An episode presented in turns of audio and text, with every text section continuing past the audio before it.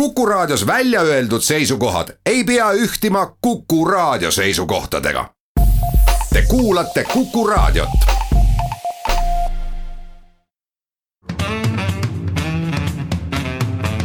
muuli ja Riikoja tere päevast, head kuulajad, kell on kuus minutit üksteist läbi, et on reedene päev, siis on ka saate Muuli ja Riikoja aeg. Kalle Muuli, Indrek Riikoja on stuudios majanduse seis on vaata selline, et me saame juba minutikese varem alustada kui eelmisel nädalal ja kaks minutit varem kui mõni nädal tagasi. tere päevast, ma just ütlesin siin, et see ei ole veel majanduskriis, kui, kui meil isegi reklaami lastakse saate ette ja ei lasta, lasta inimestel tarka juttu rääkida. vaiki õnnetu, Poodumajas nöörist ei räägita, aga meie täna nöörist ei räägi, küll ei saa me üle ega ümber koroonaviiruse seisust. siis äh, räägime loomulikult äh, eelarve äh, parandustest või, või muudatustest või peaks ütlema siis kärbetest ehk lisaeelarvest, mis eile valitsuse poolt riigikogule üle anti. räägime ka tööjõu liikumuse, liikumisest põllumajanduses, ehituses, paljudes sektorites on pahameelt põhjustanud valitsuse otsus, et et peamiselt Ukrainast ja, ja sealtkandist tulevaid hooajatöölisi esialgu Eestisse ei lubata. no ja kui reklaami on vähe ja aega on, siis äh, võib-olla saate lõpuks ka natukene PBK Tallinna uudistest ja, ja linnavalitsuse otsustest. muuli ja Riikoja. eilse päeva statistika koroonaviiruse kohta ei ole veel nii-öelda värskeid numbreid tulnud, aga neil minutitel nad tulema peaksid. eile eilne oli selles mõttes must päev, et koroonaviiruses, koroonaviiruse tõttu surnud inimeste arv kasvas üheteistkümneni ja see, see kasv on jah viimastel päevadel olnud väga kiire. ka haig-, uute haigestumiste arv oli äh, eile nii-öelda üleeilsete numbrite põhjal siis päris suur, seitsekümmend üheksa inimest äh, tuli päeva jooksul ja oluline on vast märkida, et kui päev varem oli neid, äh, kui ma nüüd ei eksi, kas kolmkümmend kuus või kolmkümmend üheksa. siis päev varem äh, analüüsiti või tehti kaks tuhat proovi, aga päev hiljem tuhat kolmsada ja tuhat kolm ja poolsada, et selles mõttes ei teagi, kas oli see nii-öelda üksik, üksik hüpe, eks selliseid üksikuid hüppeid on siin varasematel päevadel ka olnud või, või vastab tõele siis nende inimeste hoiatus, kes ennustavad, et nii-öelda keerulisemad ajad siin lähemal paaril nädalal alles ees on? No ma arvan, et need päevased kõikumised, see sõltub ju nii palju sellest, kus kohas neid teste tehakse, kellele ja, ja võib-olla ka, ka seda, et noh mis, mis seltskond või mis rahvakiht või mis äh, inimesed üldse satuvad sinna äh, testidesse suuremal või määra, vähemal määral, et kui meil siin vahepeal tehti teste laustestimisi vanadekodudes või, või kuskil sellistes kohtades no,. Kind, et... kindlasti on ikka väga spetsiifiline seltskond, eks ju, see ei ole päris äh, seesama seltskond, kes võib-olla haigla juurde oma autoga sõidab ja, ja uksest laseb ennast testida, aga. kui ma vaatan nagu nädala lõikes neid numbreid siis äh, loomulikult surnute arv on, on kümnekordistunud, võib ütelda, aga noh, ütleme siis see on selline äh, ühe pealt üheteistkümne peale. see on isegi üheteistkümnekordistumine, aga, aga äh, eks ta oli ka selles mõttes oodatav, et koroona puhul on ju maailmast teada, et need, kes on intensiivis, nendel on ikkagi väga raske sealt peaaegu et pooled kahjuks äh, surevad, nii et noh, lihtsalt varasematel nädalatel meil veel ei olnud intensiivis eriti äh, palju haigeid, aga kui vaadata nagu leviku numbrid, siis leviku numbrid on äh, isegi paremad, kui ma siin äh, oleks julgenud äh, oodata. ma, ma ei mõtle suurenemise mõttes, vaid vähenemise mõttes, et kui meil eelmisel nädalal samal ajal, see on siis neljapäevase seisuga oli viissada kolmkümmend kaheksa nakatunut siis praegu oli eilse seisuga neid kaheksasada viiskümmend kaheksa, ehk siis juurde on tulnud ainult kolmsada kakskümmend, see tähendab, et nädala jooksul iga haige ei ole nakatunud, ei ole nakatanud isegi mitte ühtegi inim-, ühte inimest edasi, et on nii umbes, et noh, pooled on nakatanud kedagi ja pooled ei ole siis kedagi nakatanud, mis on minu meelest väga hea, see kindlasti ei ole mingi plahvatuslik kasv.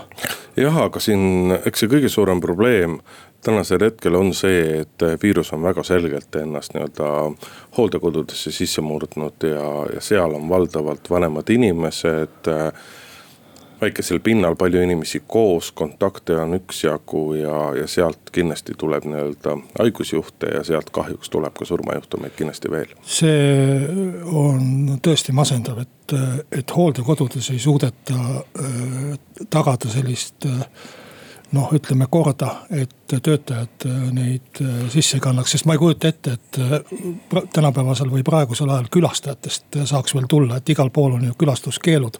aga noh, taevas teab, kuidas kuskil ei, no, väga, neid, neid väga, jälgitakse. ei no väga lihtsalt ja, ja selles mõttes, et ega selle ärahoidmine on ka nagu väga keeruline, et ei saa ju hooldekodu töötajaid nädalateks või, või veel pikemaks ajaks ka sinna hooldekodu seinte vahele aheldada. Neil inimestel on pered, neil inimestel on oma kohustused perekondade ees paratamatult on liikumisi, et see noh sa võid noh, ainus võimalus ongi nii-öelda ka töötajad nii-öelda hooldekodudesse lukustada, aga see, see ei ole praktikas teostatav. no kui sa töötad sellise koha peal siis äh, sa pead ikka oma tervist hoidma võib-olla natuke rohkem kui siis, kui sa töötad Kuku raadios. ei, loomulikult sa pead oma tervist hoidma, ma ei tea, kas rohkem kui Kuku raadios töötades, ka meie inimesed väga hoiavad oma tervist, aga. aga see on paratamatus, eks ole, sina no poes pead sa aeg-ajalt käima, kodus perekonnaga sa, kodus sa pead ka käima. võib-olla käib sul abikaasa ka tööl, võib-olla temagi ei käi väga palju kuskilt, aga noh, sa võid selle noh ütleme niimoodi, et juhtuda, juhtuda võib. jah, äh, tegelikult, kui me vaatame seda levikut, siis ju äh, äh, mandri Eestis ei ole see levik sugugi mingisugune drastiline ega midagi hullu, et pooled Eesti juhtumitest, ma nüüd üldistan natukene, mul täpset numbrit ei ole ees. kolmandik tegelikult, kui sa Saaremaast tahad rääkida. aga praegu juurde tulevatest juhtumitest pooled tulevad tegelikult ju Saaremaast. et ja, ja Saaremaal elab kaks protsenti Eesti inimestest. kümme inimest ruutkilomeetri kohta. et, et kaks protsenti siis sellest elanikest annab praegu jooksvalt umbes pooled nakatunutest, mis juurde tulevad. ja, ja kolmandik siis sellest koguarvust. et noh, siis nii see on, aga kui ma vaatan nagu, kus kõige kiiremini kasvab praegu, siis see koht on Ida-Virumaa ja minu meelest peaks äh, äh, kriisikomisjon ja terviseamet hästi palju Ida-Virumaale tähelepanu pöörama. seal on praegu veel vähe nakatunuid, seal saaks võib-olla midagi ette võtta, sellepärast et ei ole plahvatust. aga on näha, et seal tuleb iga päevaga kaks-kolm äh, korda rohkem juurde, kui siiamaani on olnud, et selles mõttes ma kardan, et Ida-Virumaa on meil järgmine koht, kus äh, asi võib hulluks minna, samas Võrus on väga hästi, sellepärast et seal oli küll kolle ja plahvatus kohe algul. Äh, eriolukorra algul, aga praegu tundub, et on äh, ilusti saadud asi kontrolli alla ja, ja mingit sellist suurt levikut ei ole, et Ida-Virumaa probleem on ka see, et sealsed elanikud ja see meediaruum ja inforuum, kus kohas sealsed elanikud elavad, et Eesti Eesti kanalite või ütleme siis Eestis toodetud tele, raadio, trükimeedia.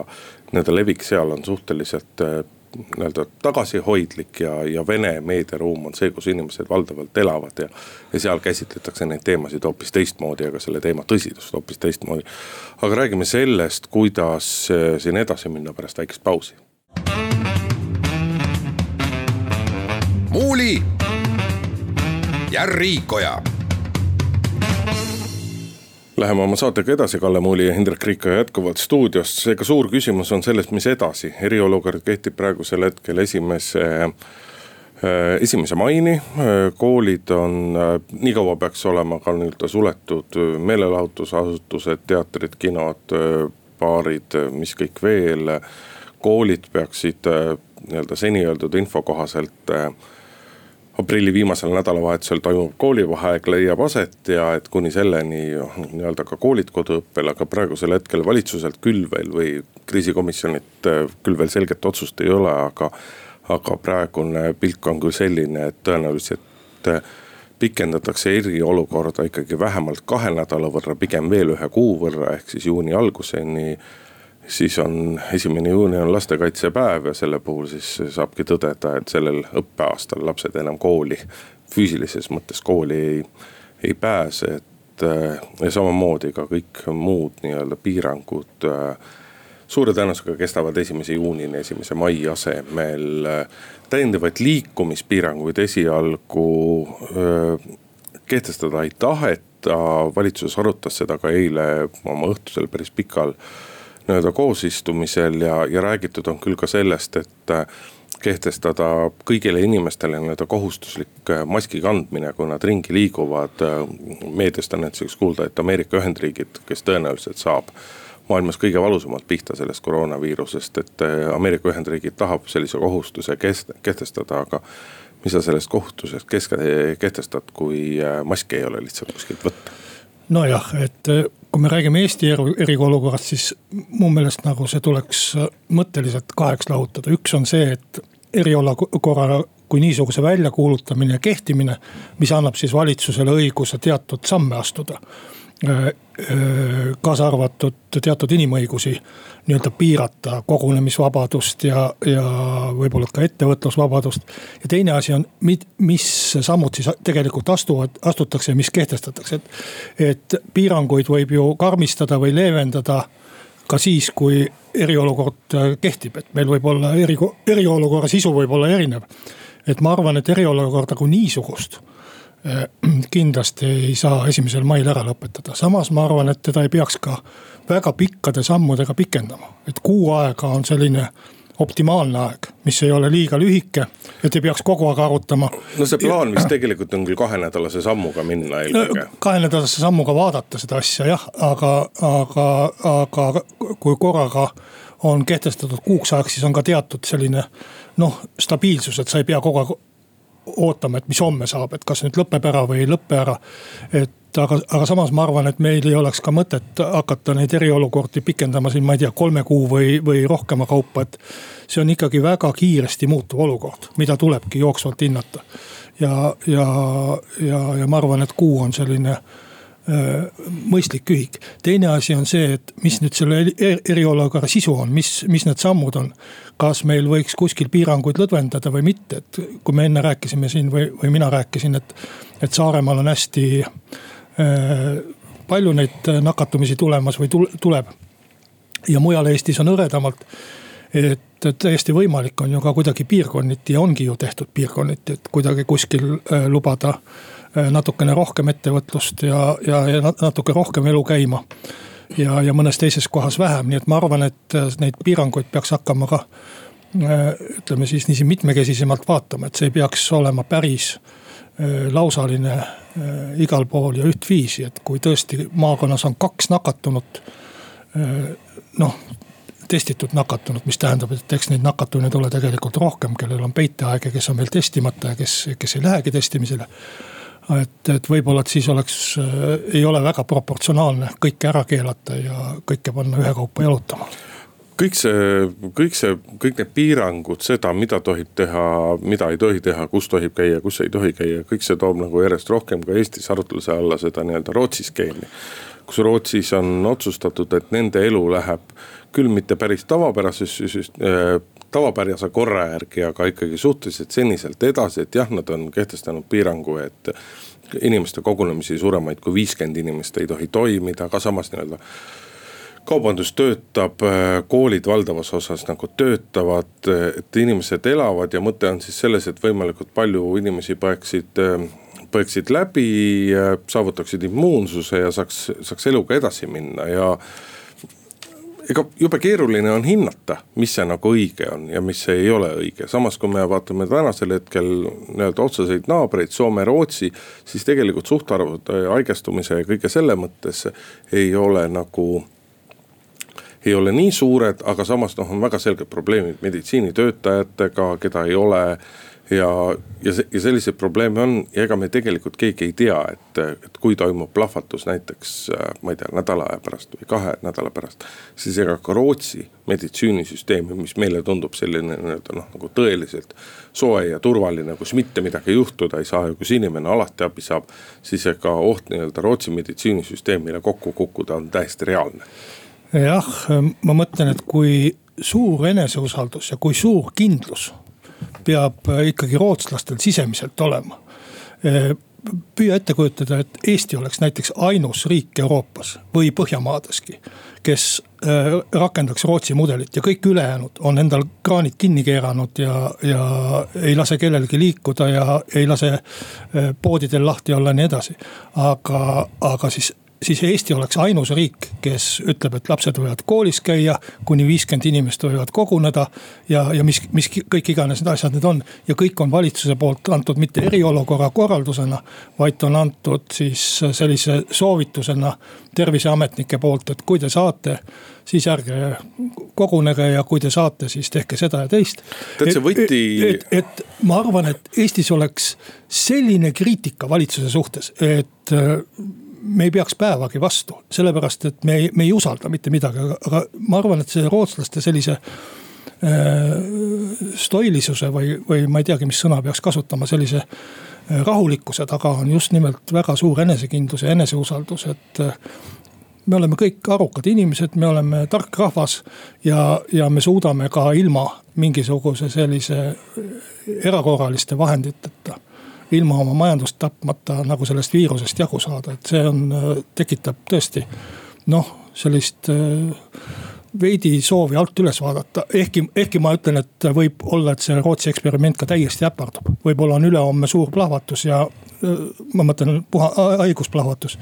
ja, ja keeratakse kõik kraanid kinni, sest eks see Rootsi mudel paneb haiglatele suurema koormuse kui, kui võib-olla see Eesti, Soome, Taani ja Norra äh, tee. noh, ütleme teiste, teiste Euroopa riikide, sest et ei maksa unustada ju, et sama mudelit üritasid jälgida ka nii äh, Suurbritannia kui ka Holland kes on mõlemad nüüdseks ikkagi juba kraane koomale keeranud. mitte koomale ikka päris kinni, ma arvan. jah, et piiranguid nagu tublisti kehtestatud, mis muidugi on Rootsi ja Eesti väga suur erinevus, on see, et eh, Rootsi valitsus ja Rootsi eh, ühiskond eh, kuule, kuulab väga palju teadlasi ja, ja teadlastele on antud selles mõttes nii-öelda väga suured võimalused, nii ligipääs statistikale ja kõigele sellele.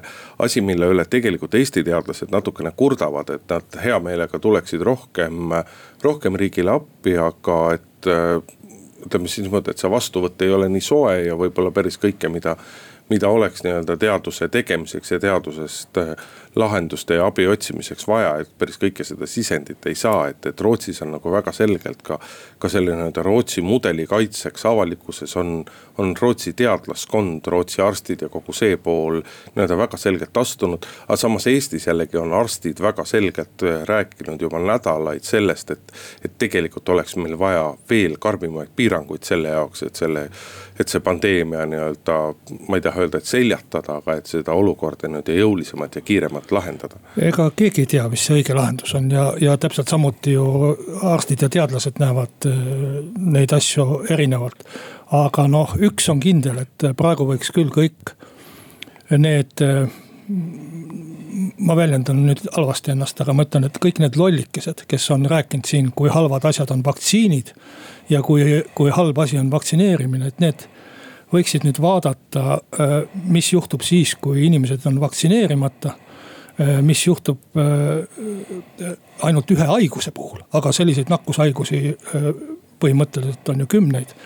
mille vastu me ennast vaktsineerime, et milline, milline olukord meil siis on, muidugi tekib karjaimmuunsus ja, ja need haiguspuhangud ei ole enam nii sagedased ja nii lausalised, aga, aga ikkagi, kui põlvkonnad jäävad äh, vaktsineerimata, siis äh, see on ikkagi väga traagiline ja me peaksime ausalt öeldes kui midagi seaduse teha, seadusega teha pärast, pärast seda kõike seda eriolukorda, siis minu meelest peaks selle äh, vaktsineerimisvastase propaganda lihtsalt ära keelama, et inimesi hakkama vangi panema või siis tõesti koroona inimestega ühte tuppa.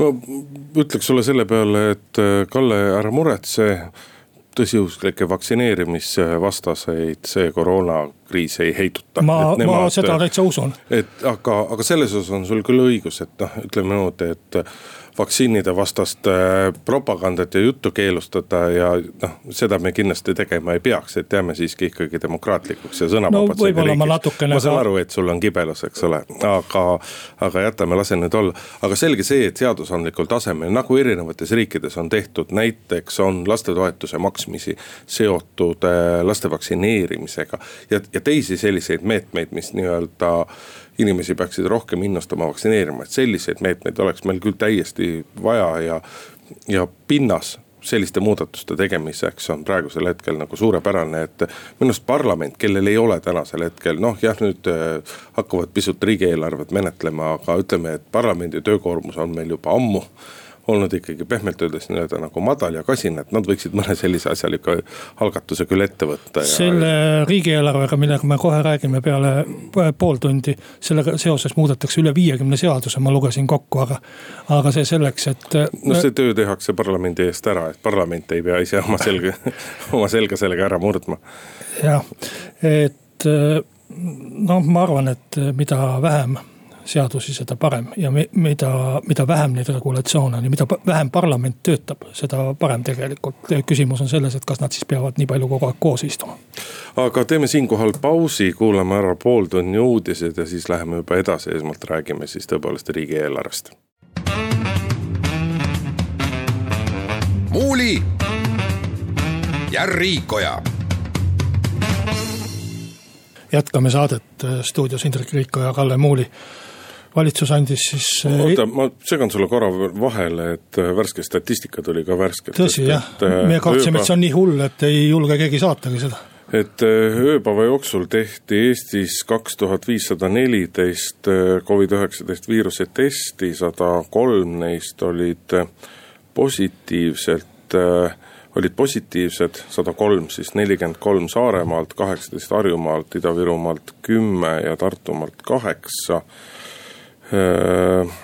enim nakatunuid vanusegrupis nelikümmend viis, nelikümmend üheksa ja haiglaravi vajab äh, tänahommikuse seisuga üheksakümmend patsienti, kuusteist inimest on juhitaval hingamisel, haiglatest välja kirjutatud nelikümmend kaheksa, viiruse tõttu surnud kaksteist inimest, neist kümme haiglates ja kaks hooldekodus. ma peast ütleks, et haiglates on suurenenud äh, viie võrra ja intensiivis ei olegi suurenenud, mis on ja, üllatav. ja üks äh, surmajuhtum on siis juurde tulnud. aga kui nüüd rääkida nendest nakatumise numbritest, siis nelikümmend kolm protsenti, kui ma õigesti kuulsin, on Saaremaalt või, või neljakümne protsendi kandis. et äh, tundub, et mujal Eestis nagu kollet ei ole, aga üllatav on see testimise võimekus. üle kahe tuhande testi, et ma arvan, et me oleme Euroopas täiesti kindlalt esimeste seas selle testimisvõimekusega jah, aga huvitav, et ta, et ta niimoodi päevadega kõigub, eks ole, et eile kaks tuhat viissada. see sõltub, Indrek, sellest, palju sa testid ja, ja, kui testida kaks tuhat viissada inimest ja sellest sada on positiivsed, siis see protsent on enam-vähem seesama. me oleme ikka seal kolme poole, nelja protsendi juures, mis on, mis on ka muu Euroopa näidete puhul nii-öelda väga hea protsent. jah, ja, ja, ja, ja Mandri-Eestis võib-olla isegi nagu noh, parem isegi kui, kui võib-olla, et keskmine näitaja on, et kuna ta on kol-, koondunud nii, nii kindlalt sinna ühte kohta, et siis võib-olla, et suudetakse ka seda seal hoida, eks. eks elu näitab, kuidas see praamiliiklus meid, meid seal toidab, aga räägiks siis eelarvest natuke, sellepärast et sellest sõltub see, kas, kas terved jäävad ellu. et arstiabist sõltub haigete saatus, aga, aga riigieelarve numbrid siis Äh, noh, mingis mõttes päris koledad. Äh, äh, viis koma viis on see struktuurse puudujäägi number, mida siin kunagi me arutasime, et kas null koma protsent, kas, kas võib olla null koma viis või mitte null koma viis, nüüd on siis viis koma viis. ja, ja majanduslanguseks on valitsus arvestanud kaheksa protsenti, mille kohta ma ütlen, et ma olen kümne sõrme peal arvestanud ja mina saan küll nagu kaks korda suurema numbri selleks majanduslanguseks, aga ega mul ei ole ka nii suurt äh, aparaati nagu, nagu valitsusel nagu, on selle töö peale. jah, nagu valitsusel ja ei tasu muidugi siiski märkimata jätta seda, et äh, eile ka, kui valitsus kinnitas see lisaeelarve, siis, siis korduvalt toodi erinevates sõnavõttudes välja see, et selle miinus kaheksa protsendi juures, kaheksa protsendise majanduslanguse juures ei ole arvestatud nüüd selle lisaeelarve riigi toetusmeetmete mõju, mis teoorias võiks majanduskasvu pisut vähem vähendada. sihuke ilus konstruktsioon. vähem vähendada jah, aga, aga aga kui nüüd majanduslangusest rääkida, siis ma arvan, et iga päev võib selle numbri panna erineva ja eks ta olegi selline eh, kohvipaksu pealt eh, vaatama, et vaatamine, et sellises olukorras noh, piltlikult öeldes, kujundlikult öeldes sõjaolukorras sa ei saa ju majandust eh, prognoosida õieti, sa ei tea, milline tehas homme saab pommitabamuse ja ja, ja millise lahinguse sõdu, sõdurid võidavad, ehk siis arstid praeguses olukorras, nii et nii et ma arvan, et siin iga number, mis pakutakse, on ühtmoodi õige ja vale. aga noh, eks ma pean võib-olla enda investeeringute jaoks ka ju midagi arvestama, midagi planeerima, minu öö, selline taju on küll selline, et me langeme umbes viieteist kuni kahekümne protsendi võrra vähemalt. ja, ja tulemus on see, et me noh see võib-olla ei kõla nii väga kohutavalt, aga me jõuame tagasi kuskile aastasse kaks tuhat kuusteist või kaks tuhat seitseteist, et meie majandus on sellest ajast peale umbes äh, niiviisi seitsmeteist, kaheksateist protsendi võrra kasvanud, nii et äh, kui keegi kujutab ette elu aastal kaks tuhat kuusteist või kaks tuhat seitseteist, et seal me siis oleme oma majandusega jah, aga vaata sellega, kõigi nende ennustamiste ja kõige sellega on natuke siiski see, et, et kohati mulle tundub, et kui lugeda nii-öelda nagu erinevaid prognoose ja erinevaid äh, erinevaid ennustusi, siis äh, lahti on läinud, äh, lahti on läinud võistlus selle nimel, kes suudab kohutavat, kohutavamat tulevikku ette manada, kes suudab kohutavamates värvides tulevikku kirjeldada. et ma ei taha öelda, et ei pea rääkima sellest, et et meil, et meil on rasked ajad, et meie majandus langeb, sellest kõigest peab rääkima, aga seal peab ka nagu sellest mõistlikkust säilitamist, et ärgem siiski nagu unustagem ära, et väga palju see, kuidas meie majandus, majanduse tulevik, kuidas ta muutub, väga palju ta sõltub sellest, kui varmad on inimesed eh, tarbima ja kui varmad on inimesed oma raha kulutama. isegi juhul, kui nad saavad, kui nende palgad langevad viis, kümme või viisteist protsenti ja mõned inimesed jäävad töötuks, siis see nii-öelda see sisetarbimise osakaal on ikkagi ülioluline meie nii-öelda majanduse, majandusnäitajates. ja kui me kõik üksteise võidu järjest kohutavamaid majandusprognoose, järjest kohutavamat tulevikku ennustame, siis nii-öelda olen paar korda siin varem ka saates rääkinud nendest isetäituvatest ennustustest, et see foon, mille me loome, muudab inimesed nii ettevaatlikuks, et me hakkame oma jutuga ise oma nii-öelda noh, me, me saeme sedasama oksa, mille peal me istume. et selles mõttes, et selles mõttes mulle nii-öelda nagu valitsuse pool, valitsuse praegune prognoos me, meeldib, et et lisaeelarve seletuskirjas öeldakse küll ka väga selgelt, et väga keeruline on tulevikku ennustada, sest asjad muutuvad kohati päevade ja kohati tundidega. aga et praegune teadmine on meil selline ja katsume nii-öelda selle teadmise ja, ja nendes raamides elada ja kui asjad lähevad hullemaks, vaatame siis nagu asju ümber, aga see, et me nii-öelda lõputult kohutavat tulevikku maname, see ei aita meid ka mitte kuidagi edasi. ma olen nõus, et majandus sõltub sellest, kas inimesed kulutavad või mitte, aga, aga kui tohib, ma siiski meenutaks, et väärtust luuakse siiski tööga ja ettevõtetega ja kui me ja, ja mida kiiremini me saame need tööpiirangud või ettevõtluse piirangud ära kaotada, seda parem. absoluutselt, ma olen sinuga täiesti ja, nõus. ja teine asi, mis on väga oluline, on see, et see struktuur, et need ettevõtted püsiksid püsti, et kui meil on laevafirma või autotranspordifirma või, või, või mis iganes ettevõte, et seal oleks olemas vara, et seal oleks olemas inimesed, kes seda os asja oskavad juhtida, kes oskavad seda asja teha, seda äri ajada. ja et see ei laguneks ära. ja selles mõttes minu meelest on see kaks koma kuus miljardit oli see summa, mis nüüd äh, paisatakse majanduse toetuseks äh, ühel või teisel moel on äh, väga tubli ja, ja minu meelest väga hea on, et seda nii kiiresti suudetakse, suudeti ka teha, noh ta ei ole veel seaduseks saanud, eks näis, kuidas see õnnestub. aga muidugi peab ütlema, et ega see kaks koma kuus kõik ei ole äh, puhas raha. et seal on ikka luuletusi ka ja luuletused on siis äh, garantiid, käendused, mis on kindlasti head asjad, aga, aga puhast raha on natuke vähem. hoopis iseküsimus on see äh, mis selle rahaga nüüd edasi saab, sest äh, poliitikud ütlevad, et anname selle raha, aga nüüd tulevad ametnikud, kes hakkavad siis konkreetseid tingimusi välja töötama, mis tingimusel ja mis protsendiga ja milliste nõuetele peab vastama see ettevõte, kes lõpuks seda raha saab. ja ma kardan, et siin võib küll tekkida igasuguseid selliseid mullistusi, kus lõpuks selgub, et need, kes peaksid seda raha saama, ei saa ja need, kes võib-olla ei peaks nii väga seda saama, saavad. aga vaata, see sõltub just nimelt väga otseselt poliitikutest ja see sõltub poliitikutest selles mõttes, et kuidas ministrid suudavad oma haldusala, nii oma ministeeriumeid kui oma haldusalas olevaid erinevaid ameteid juhtida, kuidas nad suudavad neile inimestele nagu selgitada, mis selle kõige selle asja eesmärk on ja midagi ei ole teha, kuidas mingisugustel hetkedel suudetakse ka võib-olla mingit, mingitele nii-öelda ootamatutele ja tihtipeale väga tobedatele nii-öelda takistustele nagu vastu seista ja kas nendest suudetakse üle olla. kui me nendest meetmetest räägime, siis ega, ega väga keeruline on öelda, kas see on nüüd piisav, on seda liiga vähe, on seda liiga palju, et noh, võib ju norida, siin on toodud näiteks, et noh, et kas ikkagi kas on mõtet mingisuguseid aktsiise langetada, et mis kasu sellest saab ja nii edasi. et ega kõiki neid, kõiki neid mõjusid me saame hinnata nii-öelda nagu tagantjärgi. ja selles mõttes on ka opositsioon olnud väga tagasihoidlik, aga, aga üks asi, mida, millest tast peaks rääkima, mida peaks seletama, et, et palju on ka nii-öelda avalikkuses juba äh, hakatud rääkima sellest, et miks toetatakse kogu aeg ettevõtjaid, miks toetatakse ettevõtteid, miks ei noh, stiilis, miks ei anta otse raha inimeste kätte.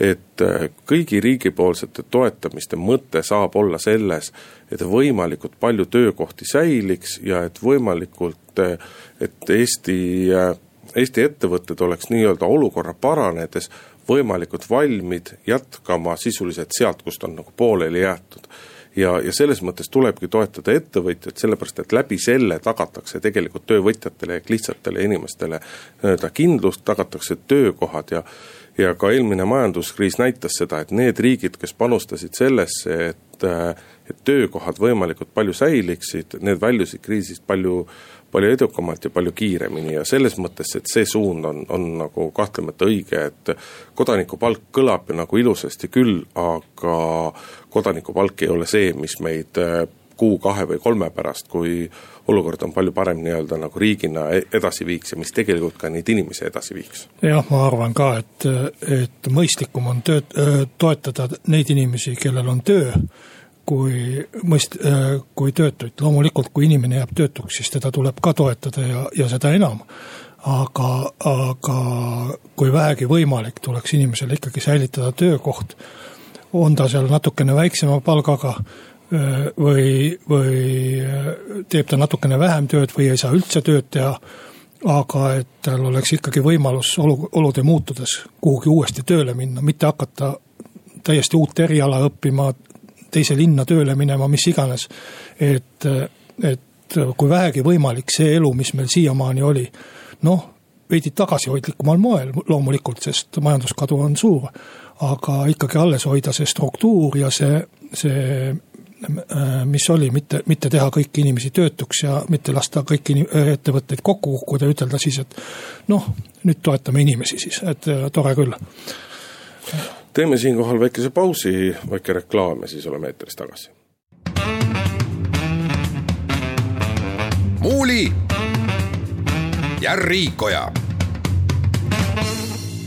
Läheme saatega edasi, Kalle Muuli ja Hindrek Riikoja jätkuvalt stuudios, räägime tööjõu liikumisest väga palju, väga mitmetele eluvaldkondadele on suuri probleeme tekitanud või tekitamas valitsuse otsus, et hooajalisi töölisi, peamiselt Ukrainast, aga ka teistest sealkandi riikidest äh, see aasta Eestis, äh, Eestisse äh, tulla ei lubata, ütleme siis nii, või, või ka need inimesed, kelle nii-öelda tööload kas said siin niimoodi märtsiga läbi, et neid töölube ei pikendatud. et põllumajandusvaldkond oli esimene, kes selle üle kurtis, sama on tegelikult rääkinud ka näiteks ehitusettevõtted ja veel mitmed teised ja ja ausalt öeldes noh, mina saan nende murest aru, et, et kõlab väga hästi see, mida valitsuse mõned, mõned poliitikud on nagu rääkinud, et see kõlab küll ilusasti, et nüüd meil on piisavalt palju töötajaid Eestiski, kellel tööd ei ole, et rakendage neid, pange nemad tööle ja nii edasi.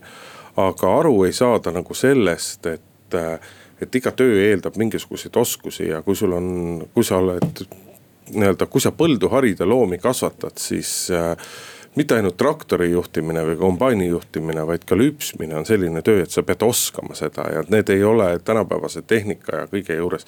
Need ei ole tööd, mida sa õpetad inimesele nädala või kahega selgeks ja, ja, ja kui me räägime noh ühest küljest põllumajandusest me räägime väga selgelt nii-öelda nagu toidujulgeolekust äh, teraviljakasvatus, maa harimine, piimatootmine, kõik see pool.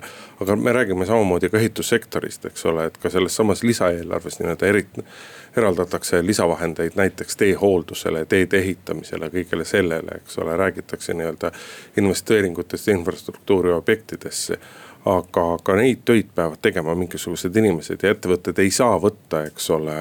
ma ei taha midagi öelda halvasti hotellitöötaja kohta või turismiettevõtte töötaja kohta, aga nad ei oska, nad ei oska traktorit juhtida, nad ei oska tee, teetöid teha ja nad ei õpi seda nädala-kahega selgeks.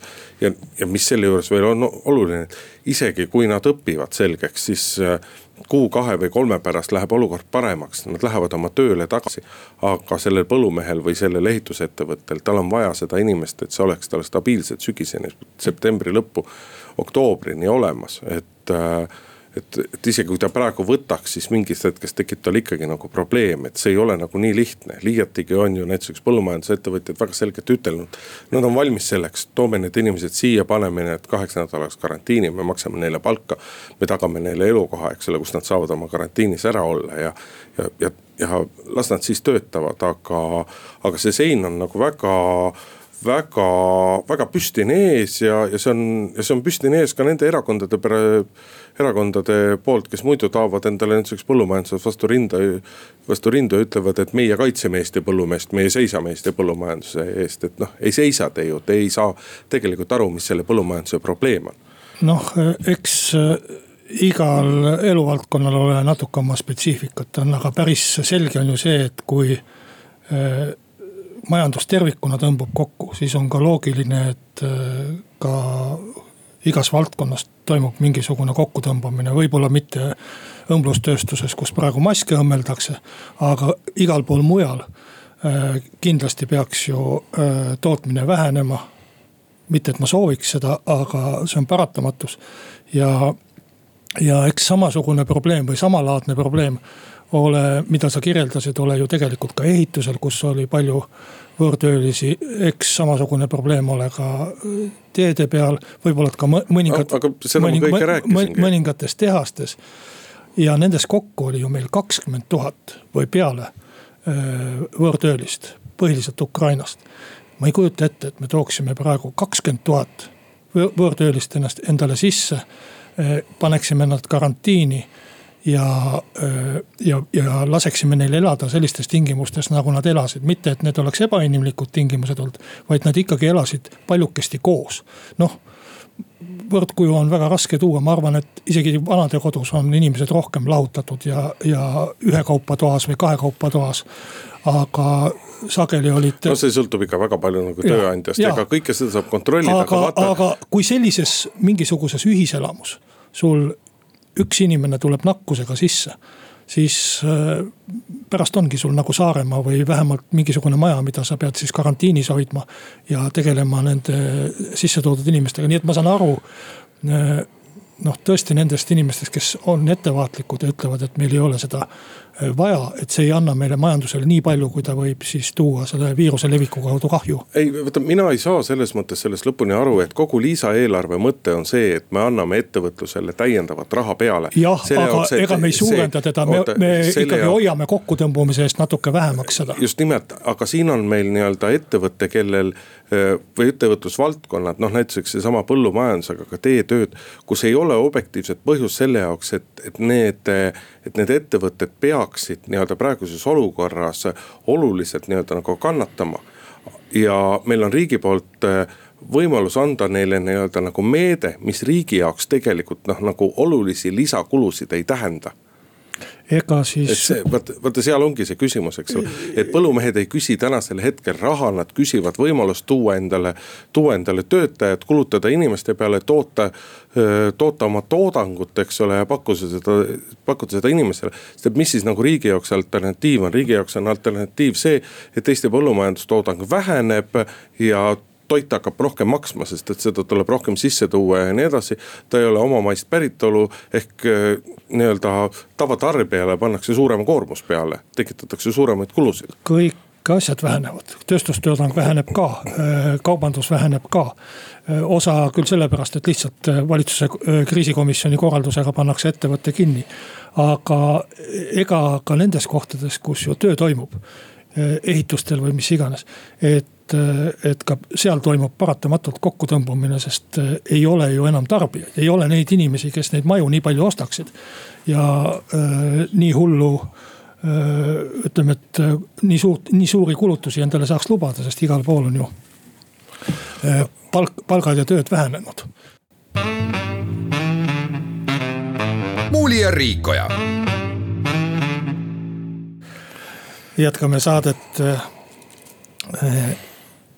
Võib-olla peaks siis äh, rääkima natuke ka noh, ma ei teagi ütelda nüüd poliitilisematel teemadel või kuna kogu kriis on äh, apoliitiline, siis äh, no see, millest me räägime, ei ole apoliitiline, kuigi seda üritatakse apoliitilisuse looriga varjutada. jah, et, et veidi poliitilisematel teemadel siis sellest, et Tallinna linnavalitsus on otsustanud osta selles palju kirjutatud äh, telekanalis PBK äh, venekeelse elanikkonna informeerimiseks siis venekeelset äh, saadet. selle asemel, et katsuda selleks ära kasutada Rahvusringhäälingu. nüüd sa eksid selles mõttes terminoloogias, et mõne pisut vähem kui miljoni euro eest äh, Tallinna linn ostab PBK-s nagunii eetriaega erinevate tegevuste jaoks ja nüüd nad on juurde saanud endale nii-öelda täiendavat eetriaega, mille eest nad siis justkui väidetavalt nagu ei maksa, andes PBK-le ainult sisu. no ja, aga kui sa maksad juba miljoni, siis on, siis, siis ma ei saa nagu aru, aru, mis seal vahet on. jah, et kas sa saad miljoni eest, eks ole, piltlikult öeldes äh, üheksa tundi või kümme tundi, siis ei ole ju vahet. jah, siis sõltub ju ainult selle noh, võib ütelda selle ühiku hind või selle ajaühiku äh, väärtus. et äh, tegelikult on ju päris huvitav, eriti võib-olla ei ole jälgitud. Äh, aga üllataval kombel on tõusnud ETV venekeelse kanali vaadatavus ja, ja noh eks ta enne oli väga väike ja kui nüüd ütelda, et ta tõusis kolm korda, siis see mõjub äh, võib-olla veidi suurustlevana või sellisena. no räägitud on isegi neljast korrast. juba neljast korrast ja siis mul on vananenud andmed, aga. no aga... räägitakse ka sellest, et väidetavalt olla justkui ka venekeelsed Rahvusringhäälingu toodetud venekeelsete, äh, venekeelse raadiojaama ja Raadio nelja kuulatavus tõusnud, aga siin muidugi raadioinimesena pean mõtlema, et ühtegi usaldusväärset statistikat ei ole vahepeal tulnud, mille põhjal seda tegelikult väita saaks. mis tähendab, et inimestel on väga suur huvi ja seda huvi tuleks ka rahuldada ja, ja ma arvan, et kui Tallinna linnavalitsusel on ressurssi äh, millega seda huvi rahuldada, et siis ta võiks ka mõelda väga vabalt Rahvusringhäälingu peale, et ei pea ilmtingimata PBK peale äh, mõtlema ja, ja seda inimest, kes seda infot vajab ja tahab hirmsasti juhtima selle PBK kanali juurde, et ma arvan, et. et see, et meil on kunagi tulemas kohalikud valimised ja, ja hirmsasti tahetakse mingisuguseid suhteid mingi kanaliga hoida ei peaks, peaks äh, sellist poliitilist kallutatust kindlasti soosima, et äh, me peaksime toetama rahvusringhäälingut, tahan ma ütelda. küsimus, noh, üks asi on rahvusringhäälingut, mitte tingimata rahvusringhäälingut, vaid eks selle PBK, PBK nii-öelda probleem eelkõige on ikkagi peidus selles, et tegemist on nagu väga tugevalt propagandasugemetega kanalit, et nüüd küll uudiste tootmine, Eesti uudiste tootmine on küll ära lõpetatud. aga ka need olid nii-öelda nagu, ka kogu see uudistoodang, mida PBK toodab, on väga selgelt nii-öelda Venemaa propaganda hõnguga. ja, ja, ja miks see Tallinna puhul nagu märgiline märgilise tähtsusega on, on see, et linnapea Kõlvart on, on venekeelse see elanikkonna silmis väga selgelt nii-öelda arvamusliider. ja temal on väga selgelt võimalus öelda, et kui tema ütleb, et eh, kõige paremad linnauudised tulevad mitte PBK-st, vaid tulevad näiteks ETV Plussist. siis väga arvestatava osa inimesi viib vaatama seda, eh, viib vaatama seda nii-öelda ETV Plussi ja, ja Kõlvart jätab selle võimaluse kasutamata. ja noh, tema jaoks ikkagi see jah, seda küll looritatakse ja kõik see on õige, et, et ka koroonaga seoses on tarvis ka venekeelse elanikkonnani infot viia ja. ja, ja, ja kõik see on õige, aga selle taga on siiski väga selgelt nii-öelda ka pragmaatiline kaalutlus, eks ole, näidata punkt üks ennast suure rahva isana ja näidata seda siis PBK-s, kus praegusel hetkel on selgelt rohkem suuremat auditooriumit ja suuremat, suurem kogus potentsiaalset valijaskonda. aga Kõlvarti jah, võimuses oleks nii-öelda inimesi viia selle PBK juurest, eks ole, kes kes, kes, kes tegeleb paljuski propagandaga, et noh, see on omaette teema, et mispärast peab Tallinna linn viima väga arvestatavaid summasid kanalisse, kes, kes noh ütleme niimoodi, et ei ole tingimata alati Eesti suhtes sõbralikult meelestatud, sellepärast et nende omanikud ja sellest tulenevalt nii-öelda mõjutustegevus pärinevad, eks ole, meie idapiiri tagant. ma ei usu nüüd, et äh, inimesed vaatavad televiisorit päris Kõlvarti ütlemise peale, aga selles, selles ma olen sinuga nõus, et nad vaatavad seda kohta, kus on Kõlvart. ja, ja, ja kui Kõlvart on äh, Rahvusringhäälingus, siis nad vaatavad seda ja tihtipeale sellistel kriitilistel hetkedel otsustatakse vaadatavuse järgi kanalite saatused.